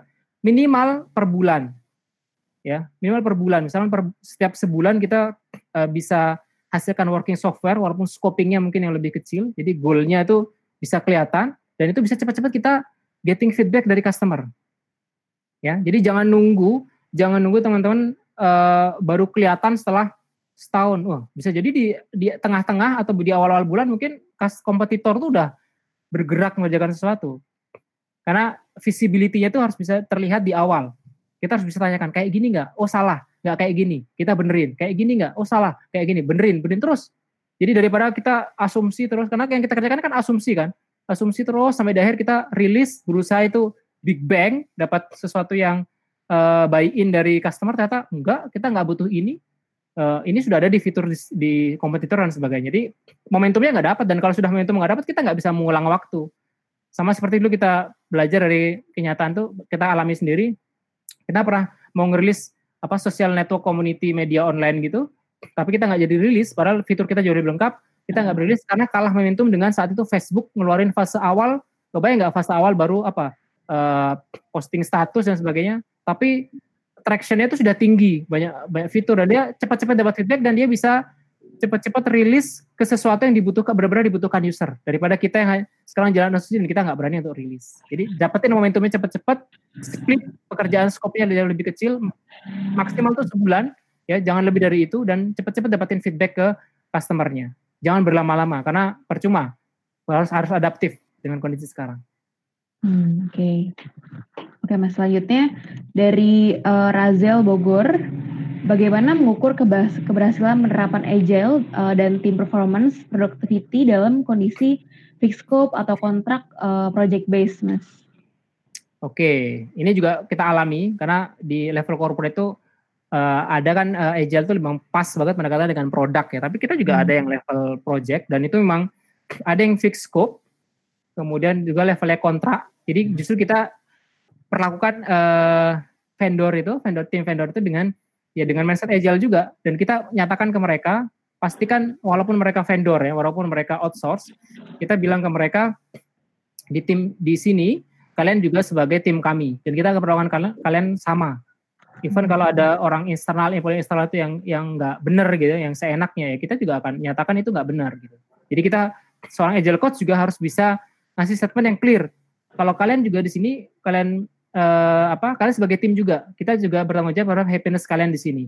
Jadi kalau ada perlakuan yang gak nyaman terhadap kalian, kalian boleh bilang dan saya siap address itu. Saya siap bantu remove impediment kalian menghasilkan sesuatu yang lebih baik. Itu yang pertama. Jadi ah, pastikan timnya juga uh, ada di level yang sama. Dia dia aman, dia nyaman, dia safe ada di company itu karena dia juga merasa oh saya, udah ada ada clear statement dari uh, orang dalamnya terutama mungkin agile coach-nya untuk ya udah kalian aman di sini kalian kerjakan. Kalau kalian ada yang butuh apa kita bisa bilang. Kalau dapat perlakuan gak nyaman bisa bilang. Dan kalau kalian pun kalian nggak komitmen dan ini ya kita juga akan sama-sama uh, diskusi gitu. Kalau uh, kalau komitmen yang nggak benar juga akan jelas tuh. Jadi jangan bukan hanya yang nyaman-nyamannya disampaikan gitu. Terus kemudian di level fix scope adalah yang pertama itu pendekatannya adalah antara scope dan uh, apa scope biasanya kalau triangle itu kan ada scope kemudian ada uh, time, ada budget. Yang pertama adalah scope dan time. Ini biasanya di proyek kita adalah dua-duanya tidak bisa dikunci. Dua-duanya bisa tidak bisa dikunci. Kenapa nggak bisa dikunci? Karena biasanya kalau time and scope ini dikunci, dia akan menjadi DDD ya. DDD itu deadline driven development. Yang udah ini proyek Rojonggrang lah kata bilang ya. Dan ini bisa sangat sangat mungkin kan akan terjadi quality uh, cutting quality. Ya, kalau time dan time dan scope-nya itu dikunci, terutama ya ini akan cut quality kita. Dan bisa dikatakan biasanya project yang seperti ini, ini project yang bukan inovatif. Coba bisa dibuktikan. Jadi project yang biasanya fix dan uh, scope-nya dan time-nya itu dikunci, bukan project inovatif. Karena dia nggak, kemungkinan nggak nggak gather feedback. Kalau misalkan kalian mau fix scope-nya, time-nya jangan dikunci. Jadi itu yang bisa dilakukan. Jadi kalau tadi sini dikatakan dalam kondisi fixed scope atau kontraknya, tapi time-nya jadi kunci. Artinya ya udah scope-nya ini, setiap yang dihasilkan, gather feedback-nya kayak gini nggak? Oh ternyata feedback-nya ada dapat uh, insight, kita harus lakukan perubahan di next di next iteration misalnya, di next uh, development dan sebagainya. Itu bisa kita coba tanyakan, bisa nggak ini kita improve? Mungkin nggak kontraknya kita ubah. Makanya kadang-kadang banyak ada kontrak modern kontrak itu menyebutnya atau agile kontrak itu, itu bisa kita, bisa kita atur Artinya sama-sama menguntungkan agile kontrak itu. Karena tim akan mengerjakan sesuai yang dia kerjakan dan uh, si klien pun membayar sesuai yang dia dapatkan. Dan itu kan uh, fair kan? Sementara kalau kontraknya fix, itu salah satu pasti akan dirugikan. Karena saya sudah mengalami itu dan pernah mengalami itu. Ya, kalau fix scope itu bisa jatuh penalti, penalti penalti karena dia nggak sesuai yang dia kerjakan, atau bisa jadi klien tuh rugi karena dia merasa udahlah saya nggak akan pakai ini, tapi karena kita sudah state kontraknya satu tahun, ya udah saya harus bayar setahun walaupun saya nggak dapat, uh, walaupun enam bulan itu saya harus cut karena saya sudah nggak puas dengan performanya, itu kan rugi. Tapi kalau agile kontrak kita bisa sama-sama fair, jadi development team atau tech uh, outsource vendornya itu dia mendapatkan sesuai apa yang dia kerjakan dan klien itu membayar sesuai apa yang dia dapatkan dan itu fair. Jadi skopnya silahkan kunci, time-nya jangan, karena kan butuh ada improvement di setiap iterasinya. Itu paling. Uh, Oke, okay, selanjutnya dari Bayu Jakarta nih Mas. Ya. Uh, Bayu tadi nanya, apa mungkin semua orang bisa memiliki agile mindset, sedangkan setiap orang punya uh, perbedaan uh, cara berpikir gitu ya Mas? Yes. Pertanyaan yang bagus nih ya. Jadi kalau pertanyaan apakah mungkin, ya mungkin dengan gampang aja, ya mungkin-mungkin aja. Tapi pertanyaannya kan orang beda-beda masalahnya adalah seberapa cepat. Ya, seberapa cepat. Masalahnya gini, ada yang mindset orang itu berubah ya karena walaupun saya ingat di uh, rework gitu, rework itu uh, culture mindset si Google ya, itu aja berubahnya cukup lama ya, berapa tahun ya, berapa puluh tahun gitu untuk merubah mindset dan culture sebuah uh, company dan itu dalamnya juga ada banyak orang dan multinasional. Perbedaan berpikir memang bisa beda-beda, cuma seberapa cepat dia bisa adaptif Contohnya ada orang yang di ada orang yang punya mindset uh, agile mindset karena kondisi yang maksa dia harus seperti itu. Ya, contohnya kita ada di sebuah company gitu ya. Harus ada di sebuah company ada perusahaan yang ternyata dengan kondisi uh, ada kondisi atau ya kayak sekarang kan ada kondisi sekarang misalkan memaksa ada banyak bisnis-bisnis yang impact ya, bahkan impactnya gede banget. Nah, itu kan company itu bahkan employee-nya mungkin itu juga bisa harus adaptif. Mindset apa yang bisa mereka keluarkan. Ya kalau misalkan mindsetnya bukan agile mindset, mungkin mereka hanya akan pasif. Ya udahlah kita tunggulah, kita tunggu nasib kita. Kita kayak sudah siap-siap resign. Ya itu kan mungkin belum terlalu ya, itu dilatih. Harus dibangun sama uh, working environment itu. Dan yang paling penting adalah, yang paling penting adalah kasih contoh. Jadi dan itu contoh itu bisa bagus uh, apa di role play kan, dicontohkan sama si leadernya. Itu yang paling penting. Jadi leader dulu bisa punya agile mindset, kemudian employee. Walaupun ada juga employee, terus employee bisa diskusi dan uh, uh, bisa mempengaruhi leadernya. Itu ada juga. Ya, tapi kalau paling cepat itu adalah leader yang ngasih contoh, kemudian uh, employee-nya bisa uh, mengikuti gitu ya. Dan itu sangat mungkin sih, sangat sangat mungkin menurut saya, walaupun berpikir ya. Jadi memang ada kondisi yang memang terpaksa atau mau nggak mau memang harus punya agile mindset. Tapi ada orang juga mungkin yang kekeh, udahlah saya sudah kayak gini, saya udah yang terbaik dan nggak mau berubah ya. Kita nggak bisa paksa. Oke. Okay. Oke, um, selanjutnya tadi ada dua pertanyaan yang bisa aku gabung nih mas sebenarnya. Ya. Pertama dari Rizky Bandung, bagaimana menerapkan agile culture di sebuah korporat dan tahapan dasarnya apa aja? Sama um, dari tadi Elde Jakarta. Share dong Mas pengalaman implementasi agile di corporate atau organisasi yang sebelumnya belum agile. Dan ah, okay. lama implementasi ini mulai memperlihatkan hasil. Oke, okay, uh, eh, sebentar. Tadi saya share. Sebenarnya ada di slide satunya ya. Sebentar, sebentar, sebentar.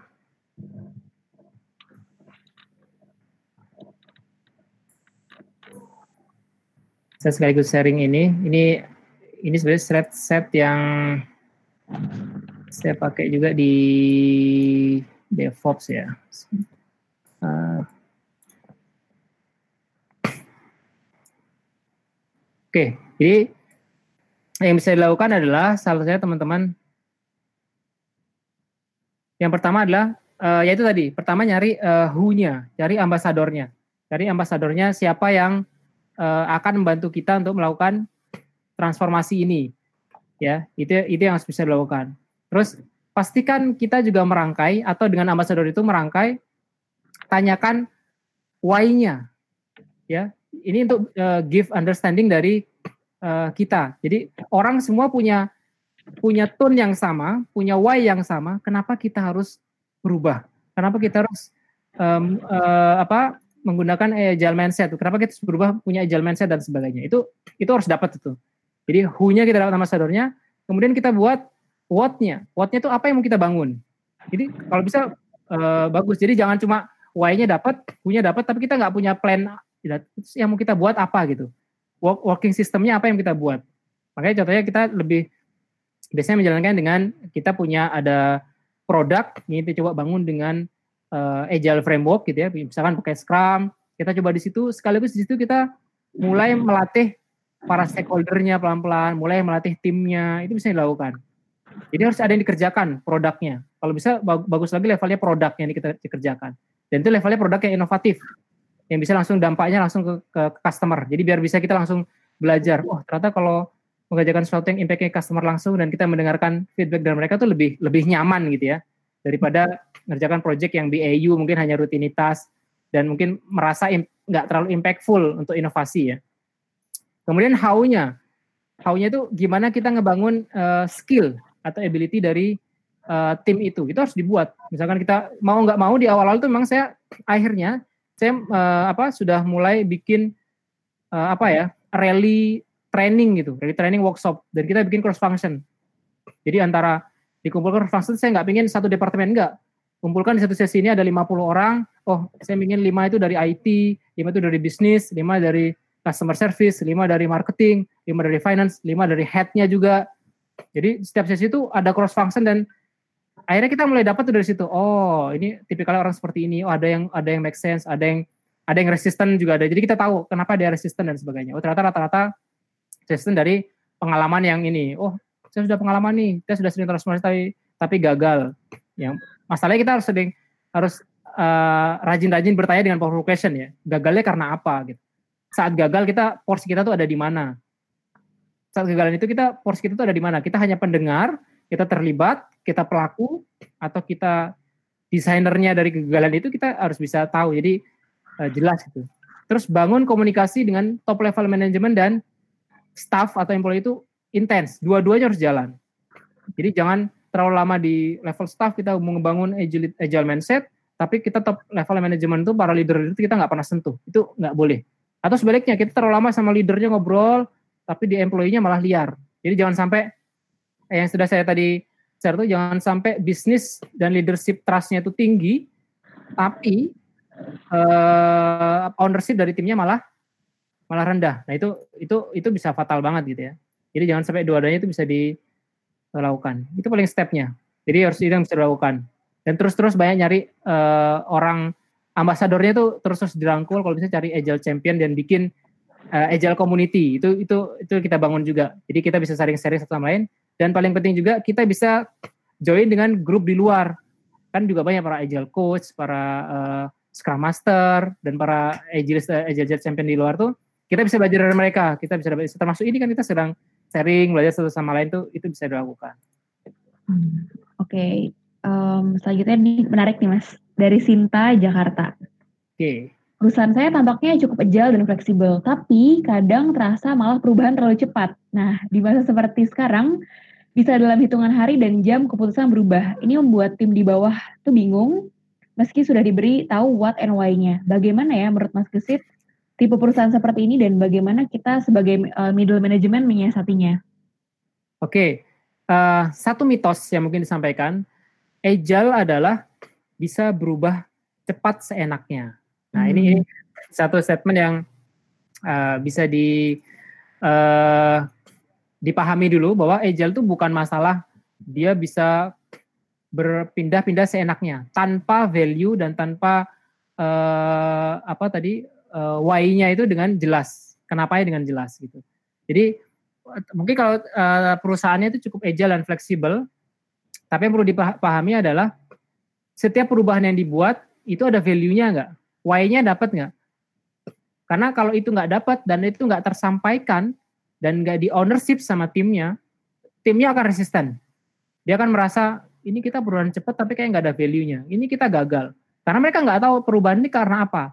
Biasanya emang transparansi dari uh, leader atau uh, bisnisnya bermasalah. Karena sementara pilar di antara pilarnya agile atau scrum disebutkan memang pilarnya adalah transparansi. inspeksi, adaptasi, dan transparansi. Jadi kasih tahu why-nya. Atau dibilang meski sudah diberitahu what and why-nya. Mungkin why-nya belum kuat. Ya, jangan sampai why-nya why-nya adalah kita harus mengerjakan ini. Kenapa? Ya mau nggak mau kita harus berani. Ya itu why-nya harus dibangun sama satu sama timnya. Dan kita harus maintain perubahannya itu mungkin kita bisa kelompokkan lagi, bisa ordering lagi prioritasnya. Apa iya kita harus melakukan ini? Ada nggak selain ini yang lebih impactful? Hmm. Jadi mapping lagi. Jadi prioritasnya mungkin kalau kita sudah bisa mapping impactful gitu, akhirnya ketahuan, oh ternyata yang lebih impact tuh ini. Oke, yang ini ntar dulu. Itu harus harus kelihatan mappingnya. Jadi biar perubahannya itu nggak nggak chaos gitu ya, nggak messy, nggak berantakan, nggak jadi nggak jadi asal berubah, tapi value-nya nggak dapat. Terus pastikan juga uh, nge-measure-nya dari setiap perubahan itu juga jelas. Jadi silahkan kasih what and why-nya. Tapi gimana nge-measure-nya? Bahasanya gini, timnya tuh banyak-banyak nanya, gimana kami tahunya kalau yang kita ubah ini sekarang impactful? Sekian persen atau buat company. Gimana kita tahunya? Gimana kita tahunya yang kita kerjakan ini berhasil? Gimana ta kita tahunya yang kita kerjakan ini emang benar-benar dipakai dan sesuai kebutuhan user? Akhirnya manajemen mulai mulai berpikir, oh iya berarti selama ini matrix kita bermasalah mungkin. What and why-nya dapat tapi matrix atau measurement kita bermasalah sehingga teman-teman juga nggak dapat kepuasan uh, apakah yang dikerjakan itu sudah benar match, sudah sesuai kebutuhan atau sudah berhasil. Nah, itu itu uh, yang harus dilakukan sama middle management salah satunya. Oke. Okay. Uh, eh, ini selanjutnya ini dua pertanyaan terakhir ya teman-teman. Yes. Mohon maaf aku close pertanyaannya setelah ini nggak bisa bertanya lagi. Ini dari Nafa Sumenep. Uh, peran apa saja har yang harus dibutuhkan dalam sebuah tim Scrum? Oke, okay. kalau Scrum, walaupun uh, mitosnya adalah Agile itu nggak hanya Scrum ya, banyak ya di antaranya. Jadi Scrum itu termasuk uh, salah satu frameworknya, walaupun secara statistik itu di Agile Report tuh Scrum termasuk yang paling banyak dipakai ya di dunia gitu ya. Uh, kalau perannya itu ada tiga. Kalau role-nya di Scrum itu ada tiga. Di antara adalah satu itu product owner. Product owner ini uh, bisnis lah ya, bisnis ya. Nanti detailnya saya jelaskan. Product owner ada development team, kemudian ada Scrum Master. Saya mulai dari product owner. Product owner adalah product owner orang yang tahu visinya mau ke mana. Ya, biasanya ini uh, 3V ya. Dia orang yang uh, menjelaskan vision, makanya uh, sell the vision, visionnya harus bagus. Kemudian uh, market validation, validation, dia harus ngevalidasi memang kebutuhan market seperti itu. Bahkan dia bisa sering-sering nanyain feedback ke market. Kemudian yang ketiga ada uh, value maximizer. Apa yang dikerjakan tim, apa yang menjadi requirement atau uh, wishlist yang mau kita kerjakan itu, itu pastikan itu value-nya tinggi. Jadi kalau sudah dikerjakan tim itu tim merasa puas mengerjakan sesuatu yang tinggi. Karena uh, pengalaman emang tim bahkan di level sekarang tuh banyak tim yang menanyakan pengen menanyakan sesuatu yang apa goalnya yang mereka kerjakan tuh impactful. Jadi kadang-kadang mereka yang menagih ke product ownernya orang bisnis ini. Ayo dong, kapan kita dengan sesuatu yang impactful yang bisa menyumbangkan sesuatu yang besar buat company ini? Mereka mereka menagih itu. Ya, itu itu mindset yang bagus buat tim. Jadi sudah itu dan itu banyak terjadi di uh, alhamdulillah di tim kami itu sudah mulai mulai berpikir seperti itu. Jadi mereka ingin menjadi sesuatu yang impactful, bukan yang cuma kosmetik gitu bahasanya. Terus yang kedua adalah development team. Development team ini adalah uh, tim eksekutor yang bisa ngedeliver dari kebutuhan product owner sampai uh, customer. Dan tim development team ini bukan hanya tim, uh, bukan hanya coder gitu, bukan hanya developer, artinya bukan hanya bisa ada orang tester di sini, ada bisnis analis, bisa ada arsitek, bisa ada hmm. technical writer juga, bisa designer, bisa pokoknya gimana tim itu ini tim end to end yang bisa mengerjakan dari kebutuhan product order sampai uh, sampai memenuhi kebutuhan sampai ke customer. Itu itu development team dan itu semua cross function. Ya, jadi nggak ada lagi ini semua semua satu tim. Makanya di Agile kita perlakukannya tim ini gagal, ya semua gagal. Jangan nggak ada yang bisa nyalahkan developernya, nggak ada yang bisa nyalahkan arsiteknya, nggak bisa nyalahkan testernya. Ini gagal kita keberhasilan bersama dan dan semua orang bisa saling bantu. Saya kita develop ada yang developer, tapi bisa nggak membantu tester? Bisa. Tapi kan KPI saya bukan itu. Nah, mereka nggak boleh sama KPI. Yang penting tim ini berhasil, mereka bisa satu sama lain. Dan itu itu uh, nambah value dan happiness mereka karena mereka bisa kontribut lebih dari yang diharapkan. Ya. Terus yang terakhir adalah Scrum Master. Scrum Masternya adalah orang uh, yaitu dikatakan uh, atau coach ya. Scrum coach. Nah, itulah orang yang bisa ngebantu uh, nge-remove impediment, hambatan-hambatan apa biasanya hambatan yang nggak uh, bisa dilakukan tim itu hambatan di level pertama saya yang kebayang itu adalah level komunikasi. Komunikasi tim, development team dan product owner atau dan ke stakeholder itu terlalu jauh gapnya. Dan itu yang pertama saya lakukan adalah saya ngebangun kedekatan di antara mereka. Ya, jadi saya event apa pun caranya, saya pernah adakan uh, konf, uh, conference atau talk gitu ya, kayak meetup yang kita atur atur caranya. Caranya adalah gimana caranya si leader ini hanya punya uh, kesempatan untuk mendengarkan hanya kedua dari timnya dan dia hanya boleh menjawab apa yang ditanyakan timnya. Di situ dia nggak sharing, dia nggak sharing apa pun. Jadi benar-benar hanya semua pertanyaan timnya itu dikumpulkan dan itu si leadernya menjawab. Jadi kayak mendapat kedekatan. Dan akhirnya di sini timnya merasa tahu nih, oh timnya tahu oh ternyata tipe tipe leader, tipe leader kita tuh seperti ini. Oh dia punya sisi lain seperti ini. Itu harus dibangun tuh dengan stakeholder. Jadi mulai mulai dekat mulai dekat ngobrol nyaman itu bisa terjadi lah. Itu hmm role. Jadi tiga ya, product owner, development team, sama uh, Scrum Master. Oke. Okay. Uh, ini pertanyaan terakhir uh, dari Frida Bogor. Apakah pemberian reward kepada employee penting dalam pembentukan agile culture? Oke, okay. ini hal yang uh, saya sebutnya apa? Uh, uh, stick and carrot ya. Stick and carrot ini modelnya kalau Daniel Pink tuh pernah bilang ada orang yang uh, kalau reward itu saya suka pendekatan adalah reward ke levelnya tim reward ke levelnya tim. Karena di Agile tuh mulai kenal reward ke level tim. Karena kenapa? Karena kalau reward di levelnya personal, hmm. uh, cohesionnya tim itu nggak bagus. Artinya artinya ada orang yang akan berusaha menjadi hero di dalam tim itu. Yang, yang, yang kalau saya sekarang sampaikan ke tim itu, kalau kamu ingin jadi hero, kamu bisa membuat tim lain atau bisa buat tim member yang lain itu selevel dengan kamu, bahkan lebih bagus dari kamu. Itu kamu hero. Tapi kalau kamu levelnya hero adalah saya lebih baik dari teman-teman dan kalau nggak ada saya ini kalian nggak bisa ngapa-ngapain, kamu bukan hero. Kamu bisa jadi masalah. Bahkan orang yang seperti ini biasanya yang terlalu dominan, ya saya akan diskusi dengan timnya uh, seperti apa dan dengan ownernya. Biasanya orang seperti ini adalah orang yang akan dipindahkan karena efeknya buruk. Karena ini menghambat tim untuk bisa self organize dan bisa uh, potensial growth-nya itu naik.